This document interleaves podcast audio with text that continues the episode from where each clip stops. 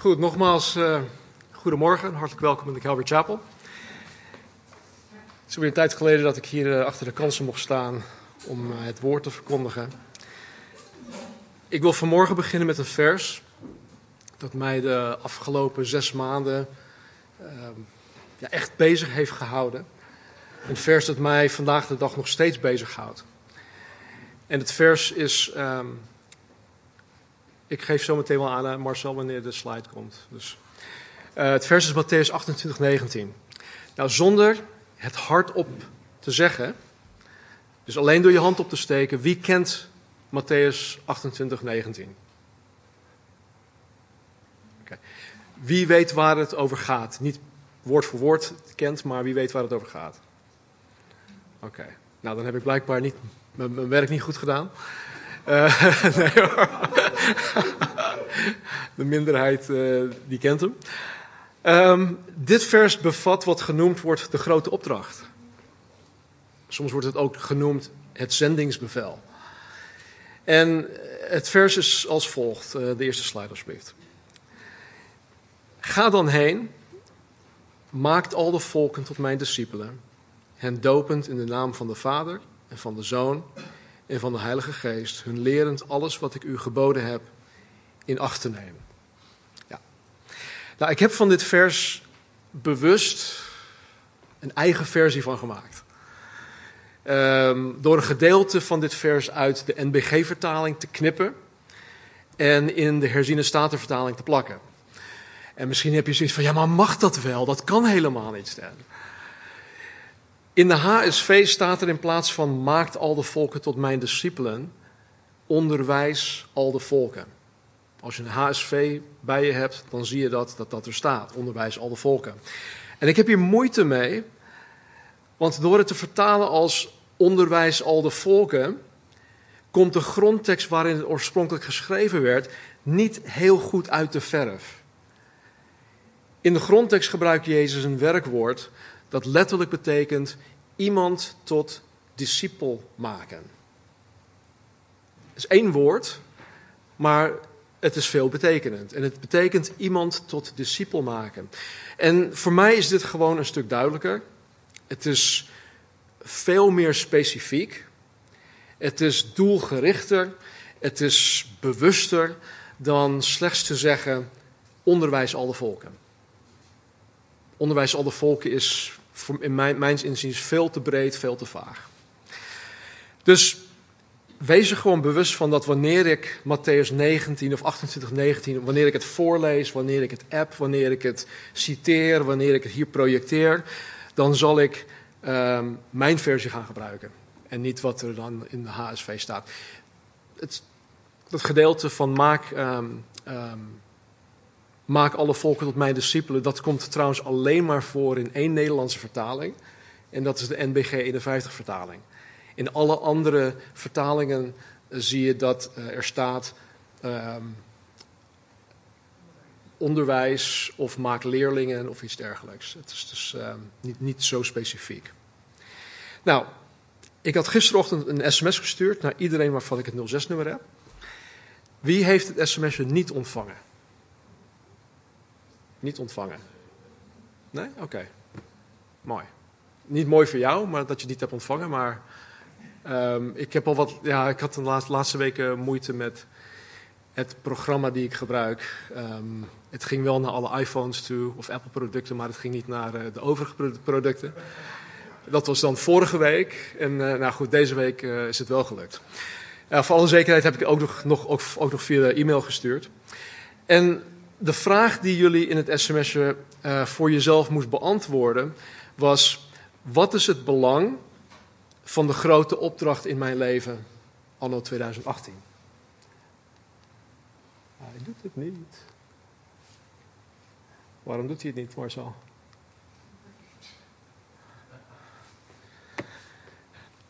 Normaal gesproken heb ik hier mijn laptop aangesloten en dan heb ik alles onder controle.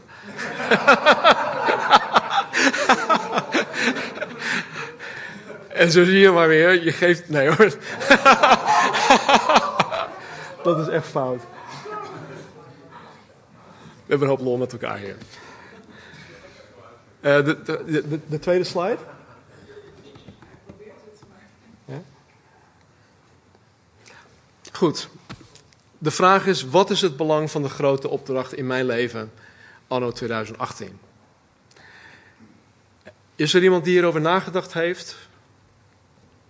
Wil iemand delen wat, tot welke conclusie je bent gekomen? Je mag het gewoon hardop zeggen.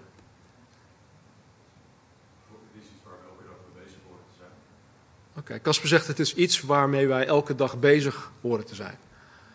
Oké, nog andere gedachten daarover? Wat is het belang van de gro grote opdracht in mijn leven vandaag? Oké. Okay. Dat ik zelf, zelf een discipel hoor te zijn. Dus dat ik uh, me open moet stellen aan God en door hem moet laten leren, uh, laten onderwijzen, zodat ik daarna de andere kant kan. Ja, heel goed. Dat is weer de andere kant van de medaille. Casper gaf aan, ik moet mij als discipel ermee bezighouden, dagelijks mee bezighouden om het te doen. En Gerry gaf aan van ja, oké, maar ik moet me ook bewust zijn dat ik zelf ook een discipel ben. En dat ik mezelf uh, moet laten leren en onderwijzen om uh, een discipel te zijn. En ook anderen daarbij te gaan discipelen, om discipelen te maken. Heel goed. Nou, misschien heb je er nooit bij stilgestaan. Maar als de discipelen aan wie dit zendingsbevel 2000 jaar geleden gegeven werd, als zij hun levens er niet voor hebben ingezet, als zij niet echte wedergeboren christenen waren, dan was het evangelie nooit tot ons gekomen. Als degene die door de eerste discipelen tot geloof waren gekomen. want de, de, de discipelen hebben het doorgegeven. Als zij hun levens niet voor de grote opdracht ingezet hadden als zij niet echte wedergeboren christenen waren, dan was het evangelie nooit tot ons gekomen. Als alle wedergeboren christenen door de eeuwen heen niet getrouw zijn geweest in het vervullen van de grote opdracht, dan was het evangelie nooit tot ons gekomen. Als Gods kerk door de eeuwen heen gefaald had in het vervullen van de grote opdracht, dan zouden wij niet tot een reddend geloof in Jezus Christus zijn gekomen. Kijk, natuurlijk zorgt God ervoor dat, dat zijn heilsplan, zijn reddingsplan altijd um, wordt. En dat, dat, wij zijn het bewijs daarvan. Maar verplaats je even in de eerste discipelen of degene die door hun tot geloof zijn gekomen. Stel je voor dat zij zoiets hadden van, ja maar joh, ja, ik, ik, ik, ik, wil liever dit of ik doe liever dat. Ik, ik heb daar niet zoveel zin in. Of me, uh, hoe ik mijn leven op dit moment heb ingedeeld en, en, en, de prioriteiten die ik in mijn leven heb gesteld. Ik heb geen ruimte in mijn leven over om de grote opdracht te vervullen. Als, als zij die instelling hebben gehad, dan zou het evangelie nooit tot ons gekomen zijn. Dus het belang van de grote opdracht in mijn en in jouw leven, anno 2018, is dat wij door Gods programma, dat het grote opdracht heet, tot een zaligmakend en een heiligmakend geloof gekomen zijn in Jezus Christus. Jezus Christus, de Zoon van de levende God. Jij en ik die wedergeboren zijn, zijn wedergeboren doordat mensen door de eeuwen heen de grote opdracht vervuld hebben. En vandaag de dag nog steeds de grote opdracht aan het vervullen zijn.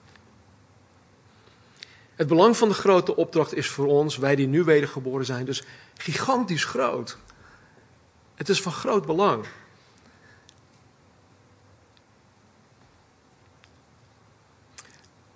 Hoe belangrijk is het vervullen van de grote opdracht dan wel niet voor onze gezinsleden? Die nog niet geloven. Of onze familieleden, of onze buren, onze collega's, schoolgenoten enzovoort, die nog niet wedergeboren zijn. Hoe belangrijk is het dan wel niet voor hun dat de grote opdracht vervuld blijft worden? Hoe belangrijk de vervulling van de grote opdracht voor jou is geweest in het tot eeuwig leven komen, Het is eveneens belangrijk voor de mensen om ons heen. Mensen in onze leefwereld. Mensen waarmee wij of dagelijks of wekelijks of soms hè, op verjaardagsfeestjes in contact komen. Dit zijn mensen die nu richting de eeuwige verdoemenis gaan. Het is levensbelangrijk. Het, is, het, het heeft eeuwige gevolgen. Nou, we gaan direct na de studie in 1 Johannes. We gaan hier een, misschien een paar maanden mee bezig. Maar we gaan direct na de studie in 1 Johannes een thematische studie doen over de grote opdracht. Grote opdracht waarin wij op, op vier aspecten van de opdracht gaan inzoomen. Ik ga er vanmorgen dus niet dieper op in, maar wat ik nog wel even wil doen, is iets zeggen over het aspect van het maken van discipelen. Het maken van discipelen. Nou, ik kan me voorstellen dat, dat, dat ieder hier een bepaald uh, beeld heeft bij het maken van discipelen, wat daarmee gemoeid gaat. Misschien denk je bijvoorbeeld uh, aan het vervullen van de grote opdracht, het, het, maken van discipelen, dat je op straat moet gaan, op je zeepkistje gaat staan en het evangelie moet gaan verkondigen. Misschien heb je, is, is dat jouw beeld daarbij? Of misschien is jouw beeld daarbij dat je het evangelie met mensen in je nabije omgeving moet gaan delen, dat je tijdens elk gesprek, elke interactie, elke menselijke interactie die je hebt of krijgt, dat je het evangelie per se moet delen met iemand. Of misschien ja, iets, iets laagdrempeliger. Misschien is jouw idee over het vervullen van de grote opdracht iemand uitnodigen om naar de erediensten te komen. Misschien denk je aan het, het moeten uitleggen van de Bijbel aan mensen. Dat is best wel eng. Of het moeten beantwoorden van moeilijke vragen waar mensen mee kunnen komen. Of in moeizame discussies raken met mensen over de Bijbel of over, over het geloof. Misschien denk je aan het, het, het, het krijgen van vragen van mensen waar je geen antwoord op hebt.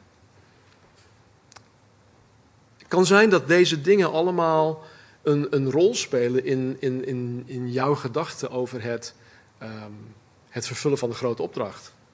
Nou, als dit jouw beeld is van het maken van discipelen, dan kan ik me ook voorstellen dat je misschien, of dat, dat je je misschien niet echt geschikt voelt om dit te doen. Dat je zoiets hebt eh, dat het niet voor jou bestemd is, maar dat het voor die andere christen bestemd is. Die anderen die het zoveel beter doen dan jij. De anderen die veel makkelijker aansluiting bij mensen vinden. Die anderen die zoveel meer sociaal zijn dan jij. Of die zoveel meer bijbelkennis hebben. Of die zoveel meer, noem maar op. Sommige mensen denken echt dat het maken van discipelen alleen gedaan kan worden door de superchristen. There's no such thing. Er bestaat geen superchristen. Dat is een fabel. Dat is iets wat we zelf verzinnen of wat de Satan in ons oor fluistert. dat het alleen maar gedaan kan worden door de voorganger of de assistentvoorganger of de aanbiddingsleider of die, die goede christenen. Die er elke zondag zijn met hun glimlach. Hoe gaat het? Ja, het gaat fantastisch, prijs de Heer. Nou, als het, als het met mij niet goed gaat, dan vertel ik je eerlijk dat het gewoon niet goed gaat. Want er zijn geen superchristenen. Er zijn geen goede christenen. Je bent christen of niet. Er zijn geen gradaties. Niets is verder van de waarheid. Het maken van discipelen is niet uitsluitend bestemd voor de superchristen of de goede christen. Het is opgedragen aan elke, let op, het is opgedragen aan elke wedergeboren christen. Misschien zeg je, ja, maar ja, weet je, het is echt niks voor mij. Ik ben daartoe niet gekwalificeerd. Ik ben niet de geschikte persoon daarvoor. Ik voel me nog niet echt voldoende toegewijd aan God. Ik ben nog veel te zondig. Of ik heb het te druk met andere dingen. Ik heb zelf nog veel te veel problemen om me bezig te houden met het maken van discipelen. Stan, schei alsjeblieft uit.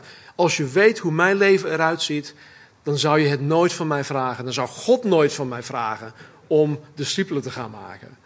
Nou, weet je wat? God weet precies hoe jouw leven eruit ziet. Er is niets, maar dan ook niets verborgen voor God. En hij vraagt het. Hij vraagt het niet. Het is niet een optie. Nee, hij draagt het aan ons op. Dus als jij je vanmorgen niet gekwalificeerd voelt om een discipelmaker te zijn, en dat is een term die ook, ook, ook gaan gebruiken, discipelmaker. Als jij je vanmorgen niet gekwalificeerd, eh, gekwalificeerd voelt om een discipelmaker te zijn, als jij je vanmorgen niet bekwaam genoeg voelt, of als je denkt dat je niet genoeg, uh, goed genoeg bent, um, of niet genoeg van het evangelie weet, dan heb ik heel goed nieuws voor jou. Ik heb geweldig nieuws voor jou. Want een studie in 1 Johannes zal jou helpen om naar echtheid te kunnen bepalen of je wel of niet geschikt bent. Het woord van God in 1 Johannes is niet gebaseerd op jouw gevoel, op mijn gevoel. Ik voel me vaak niet christen. Ik voel me soms heel ver van God. Ik, ik zei uh, vorige week of de week daarvoor nog dat toen ik zo ziek was met de griep, voelde ik, ik voelde me gewoon verlaten door God. Was ik verlaten door God? Nee, absoluut niet. Dus onze, onze gevoelens die, die kunnen ons bedriegen. En Gods woord is niet gebaseerd op jouw gevoel, mijn gevoel, op jouw eigen inschatting van jezelf. Het is gebaseerd op Gods waarheid. Het is gebaseerd op de rots waarop wij kunnen staan, waarop wij kunnen bouwen.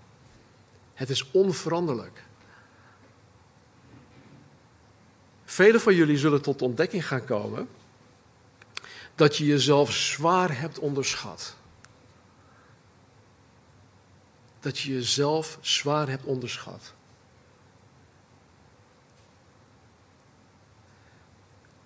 Je gaat tot de ontdekking komen dat God jou totaal anders ziet dan hoe je jezelf ziet.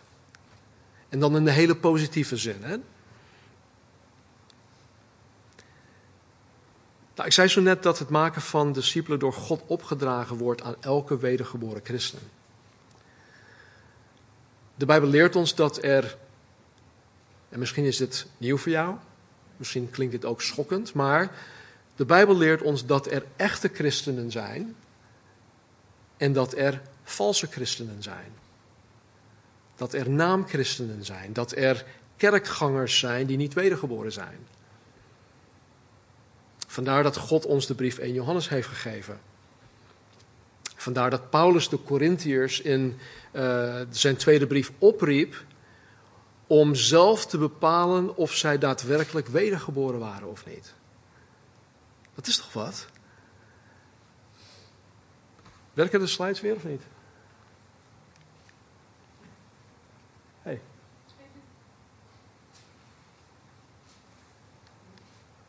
Nee, oké, jammer. In 2 Korinthe 13:5 staat dit. Paulus schrijft hier aan de, de kerk in Korinthe. Onderzoek uzelf of u wel in het geloof bent. Onderzoek uzelf of u in het geloof bent. Beproef uzelf. Weet je, als ik zoiets lees, dan heb ik zoiets van, wauw, dit is echt een ontnuchterende zaak. Ik moet mezelf onder de loep gaan nemen. Behoor ik wel tot het geloof? Ben ik wel in het geloof? Ben ik wel echt een wedergeboren christen? Nou, dat is, dat is niet iets waar ik me dagelijks mee bezig hou. Want aan de andere kant van de medaille wil God ons juist de zekerheid geven dat wij daar niet over hoeven te twijfelen. Twijfel is uit een boze. En gelukkig maakt de Bijbel het ons vrij makkelijk om te kunnen checken of wij daadwerkelijk echte wedergeboren christenen zijn. Of dat wij misschien naamchristenen zijn, niet wedergeboren kerkgangers zijn enzovoort. En zoals ik in mijn e-mailbericht van de week had geschreven, is een van de dingen dat Johannes ons in deze brief duidelijk wil maken, is dat een wedergeboren mens er voor 100% zeker kan zijn dat hij of zij gered is. Wij kunnen 100% zekerheid krijgen dat wij een kind van God zijn en dat we de, de eeuwigheid hebben geërfd, waar we het in openbaring uh, over hebben gehad. Dat dat een realiteit is voor ons. Kortom, door de toets van 1 Johannes te doorstaan, kan, kan iemand er voor 100% zeker zijn een echte wedergeboren christen te zijn. Dus God maakt het ons vrij makkelijk. We gaan, we, gaan we gaan samen door deze toets heen. Deze brief is ons dus gegeven, onder andere als een toetssteen waaraan we kunnen toetsen of wij echt gered zijn of niet. De brief beantwoordt de vraag: hoe kan ik zeker weten dat ik een echte christen ben? Nou, of jij een echte christen bent of niet, dat is natuurlijk van, van levensbelang. Het bepaalt waar jij, nadat je komt te sterven, de eeuwigheid zal doorbrengen. Het heeft eeuwige gevolgen. Als je een echte wedergeboren christen bent, dan ben je voor 100% verzekerd dat je in de eeuwigheid, in alle heerlijkheid, in alle glorie, samen met Jezus Christus zal blijven leven. We hebben hier um, uitgebreid over gehad in, in, in onze studie in openbaring. We hebben hier een glimp van gekregen. Als je niet een echte wedergeboren christen bent, maar een naamchristen, of een kerkganger, dan zegt de Bijbel dat je voor 100% verzekerd kan zijn dat je voor eeuwig dag in en dag uit onophoudend gepijnigd en gestraft zal worden. Dat hebben we ook gezien in openbaring. Bijbel noemt dat de hel. Jezus sprak trouwens vaker over de hel dan over de hemel. Dus of jij een echte christen bent of niet, is voor jou persoonlijk, is voor mij persoonlijk van levensbelang. Maar niet alleen dat. Het is ook bepalend voor het vervullen van de grote opdracht, voor het maken van discipelen. Wij kunnen als christenen niet zonder één Johannes. De schrijver Johannes, de apostel Johannes, werd door de Heilige Geest gemotiveerd. Hij werd daartoe gedreven, hij werd geïnspireerd om deze brief te schrijven. Waarom? Omdat valse leraren de kerk binnengeslopen waren die de christenen in verwarring brachten. Deze valse leraren brachten een valse leer dat gnosticisme heet. Deze valse leer bracht de christenen aan het twijfelen. Ze twijfelden aan hun redding, waardoor ze als gevolg ook twijfelden aan hun geschiktheid om de grote opdracht te kunnen vervullen. Vandaar dat 1 Johannes na 2000 jaar nog steeds relevant is. Het is relevant, want ook vandaag is er verwarring over de redding.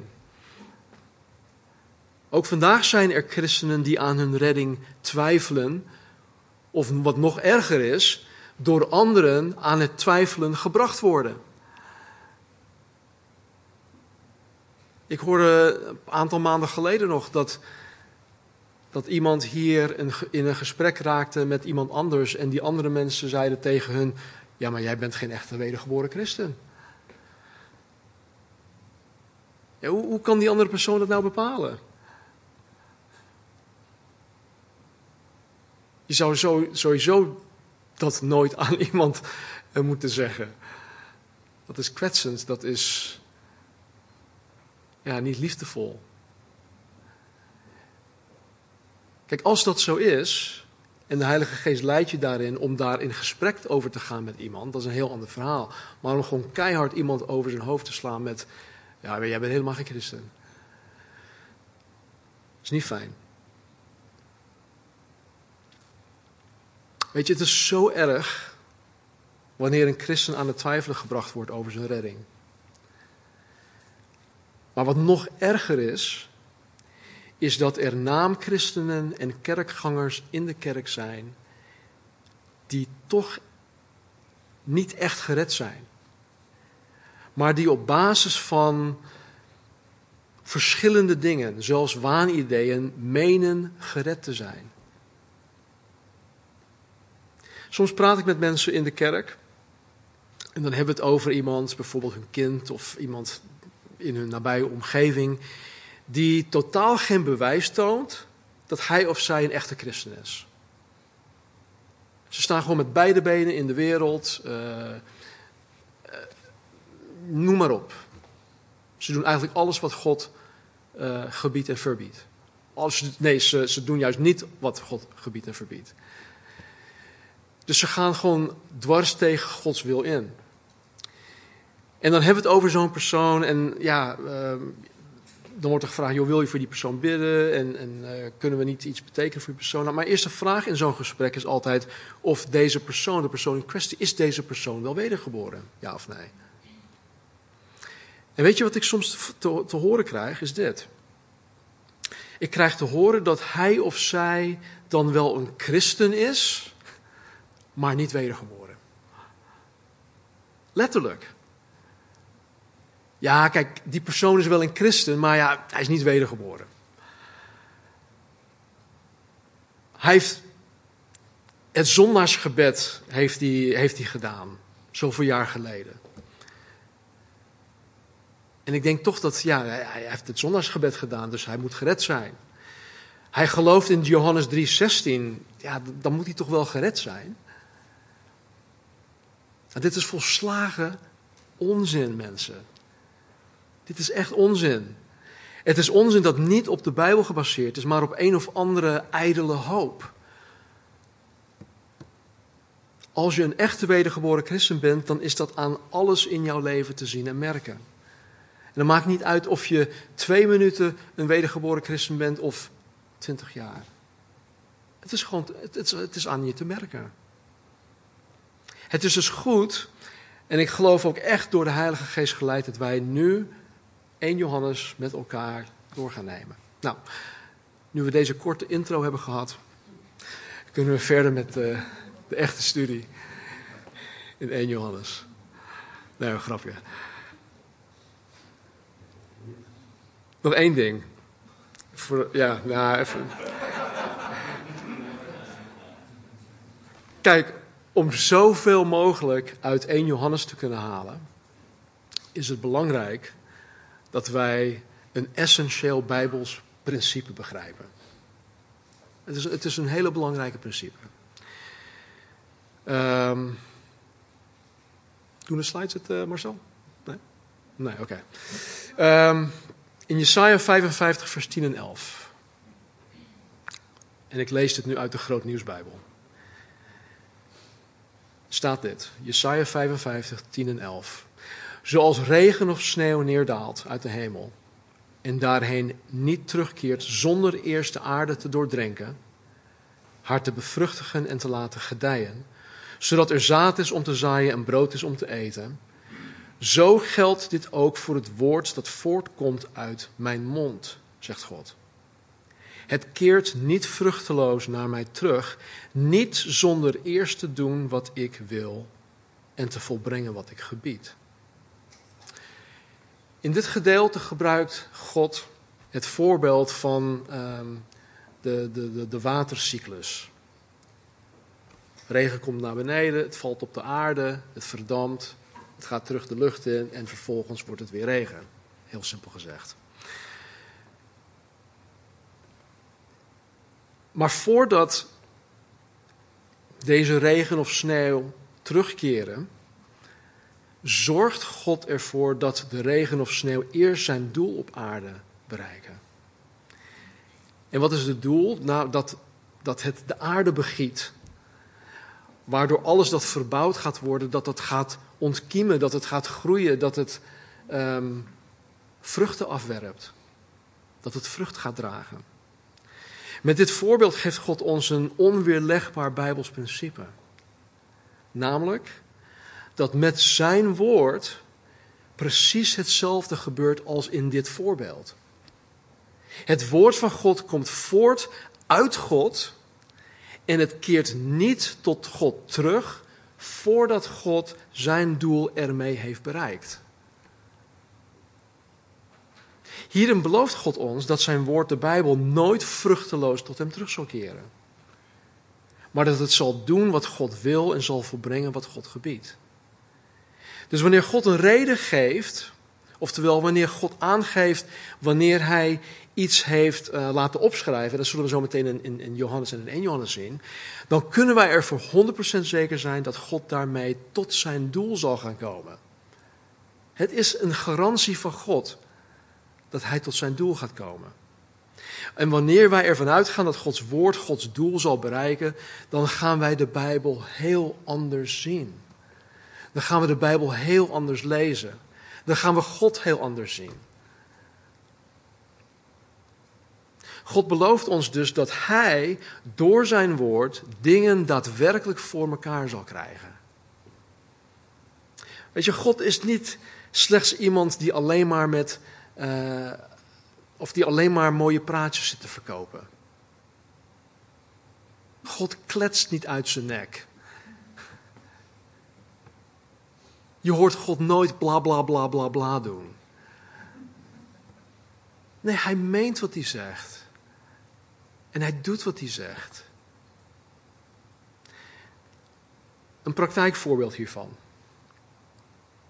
Ik zou, ik zou Joanie eigenlijk naar voren moeten roepen. In, het evangelie van Johannes, aan het einde van zijn evangelie, Johannes hoofdstuk 20, vers 30 en 31, zegt de schrijver dit. Hij zegt, Jezus heeft in aanwezigheid van zijn discipelen nog veel andere tekenen gedaan die niet beschreven zijn in dit boek, dus in het evangelie van Johannes. Maar deze, dus degene die hij opgeschreven had, deze zijn beschreven opdat u gelooft dat Jezus de Christus is, de Zoon van God, en opdat u door te geloven het leven zult hebben in zijn naam. De apostel Johannes heeft in zijn evangelie zeven tekenen van Jezus vastgelegd. Met het doel uh, opdat men door het lezen en door het toe-eigenen van het evangelie tot geloof in Jezus zou komen.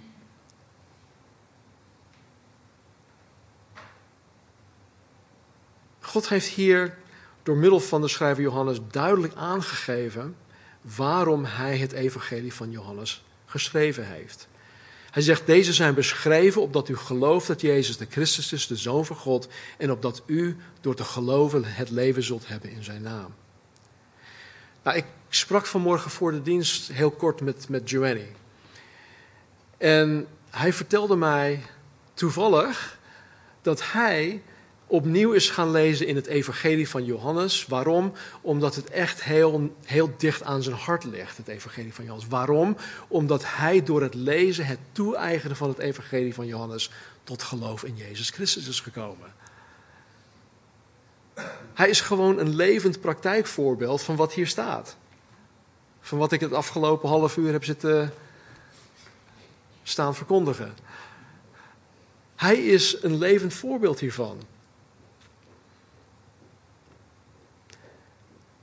Door de inspiratie van de Heilige Geest heeft deze Johannes zeven tekenen vastgelegd in zijn evangelie. Met als doel dat de lezers geloven zullen dat Jezus de Christus is, de Zoon van God, waardoor de lezer leven zal hebben in zijn naam. Nou, aan de hand van het Bijbelsprincipe in Jesaja 55, 10 en 11, dat Gods woord nooit uh, vruchteloos tot hem terugkeert, geeft God de oprecht zoekend persoon de garantie dat wanneer hij of zij het evangelie van Johannes met een open hart naar God toe leest, dat hij of zij tot geloof in Jezus Christus zal komen.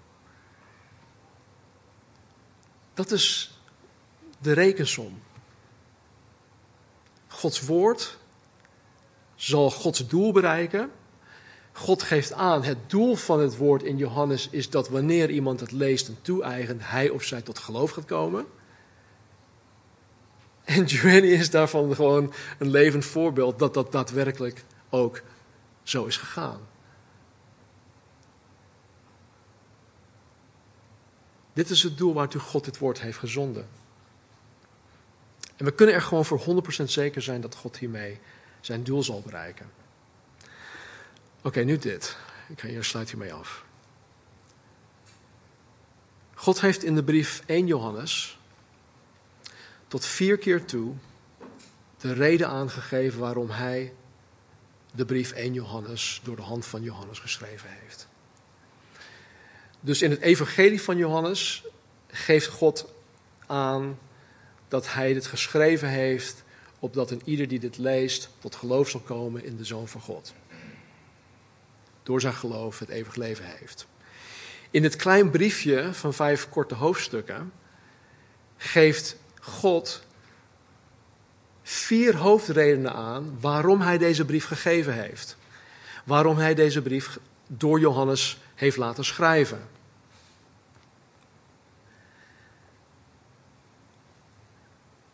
Nu ga ik vandaag één van die redenen verklappen.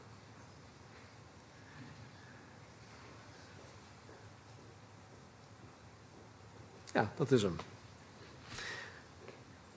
In 1 Johannes 5, vers 13 staat: Deze dingen heb ik geschreven aan u die gelooft in de naam van de Zoon van God, opdat u weet dat u het eeuwige leven hebt. Dus een van de vier hoofdredenen in die korte brief van 1 Johannes, waarom hij het geschreven heeft, is opdat de gelovige lezer zeker zal weten dat hij of zij het eeuwig leven heeft. Oftewel, de zekerheid dat hij of zij een echte wedergeboren christen is. Kijk, God wil ons die zekerheid geven. Satan brengt verwarring, brengt twijfel. God brengt zekerheid. Dus een van de redenen waarom Johannes deze brief geschreven heeft, is, dat is opdat wij zeker zullen weten dat wij echte wedergeboren christenen zijn. Nou goed, dit, gaan we zullen, dit zullen we verder gaan uitpakken wanneer we hoofdstuk 5 gaan behandelen. Dit is dus een van de vier redenen. Nu is het aan jullie, luister goed, nu is het aan jullie om de overige drie redenen te gaan vinden. Niet nu, maar aankomende week. Er zijn nog drie redenen, hoofdredenen, waarom Johannes de brief geschreven heeft. En het is deze week dus aan jullie om die overige drie hoofdredenen te gaan vinden. Begin gewoon in hoofdstuk 1, vers 1. Lees de brief rustig door. Ga op zoek naar zinnen die de vraag beantwoorden: waarom heeft Johannes dit geschreven? Ga op zoek naar aanwijzingen. Je moet te werk gaan als een, uh, een speurder, zoals een speurder te werk gaat. Of een, uh, een rechercheur, zegt dat goed? Een detective, ja, rechercheur. Ga op zoek naar de details. Maar verlies de grote lijn ook tegelijkertijd niet. En zodra je alle vier hebt, dus inclusief deze die ik net eh, gegeven heb, ehm, schrijf ze op en neem ze aanstaande zondag met je mee. En ik hoop niet dat ik hier aanstaande zondag in mijn eentje zal zijn. Of dat je hond je huiswerk opgefroten heeft.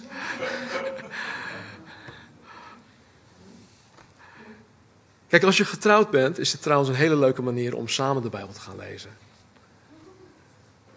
Ja. Ja, het lastige ervan is, ik, ik weet al waar ze zijn. Voor jou mij dan. Maar goed. Het is echt een leuke manier om samen de Bijbel te gaan lezen. Het is sowieso goed om dit met iemand samen te doen. Dus maak goed gebruik van je tijd deze week. Uh, app elkaar hierover. Bel elkaar, elkaar hierover. App of bel mij als je vragen hebt of als je niet uitkomt. Of als je in plaats van vier redenen ineens tien redenen hebt gevonden.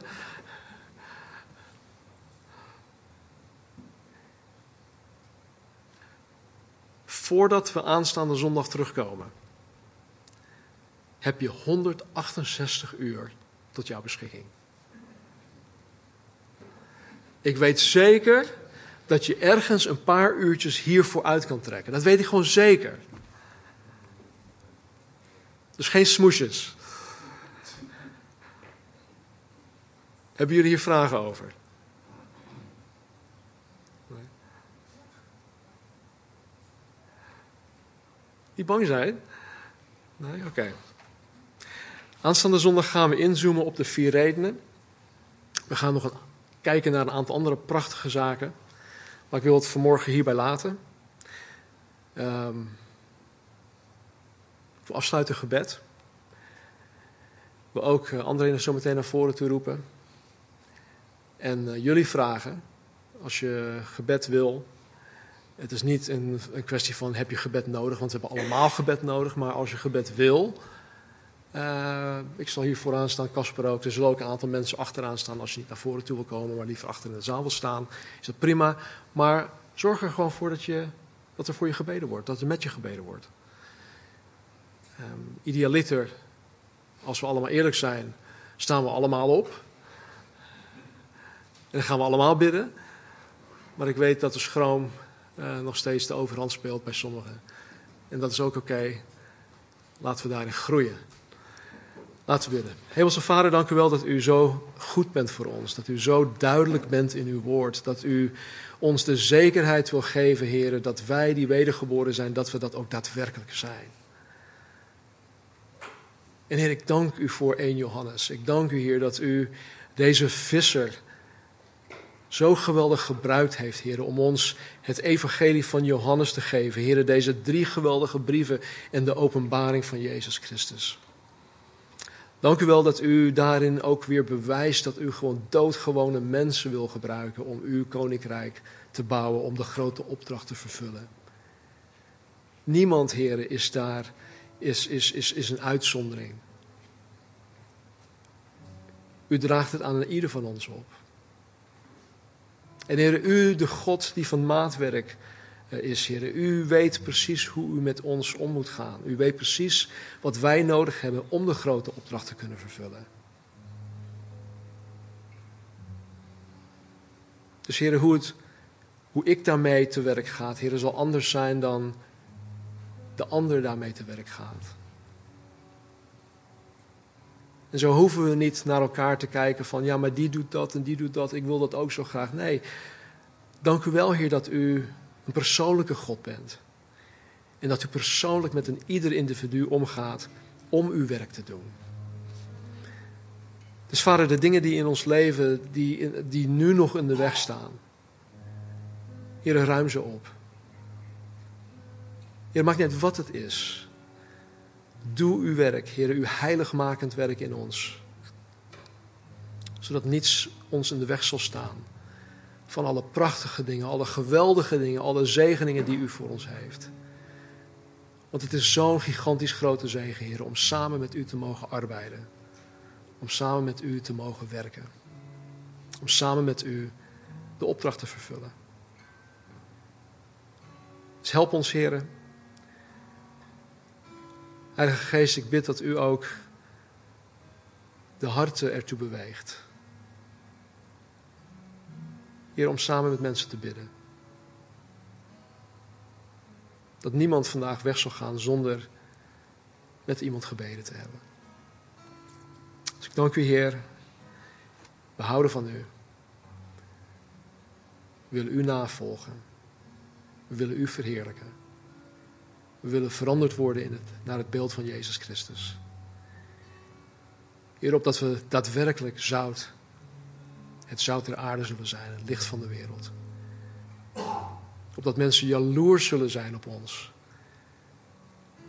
De kerk van Jezus Christus.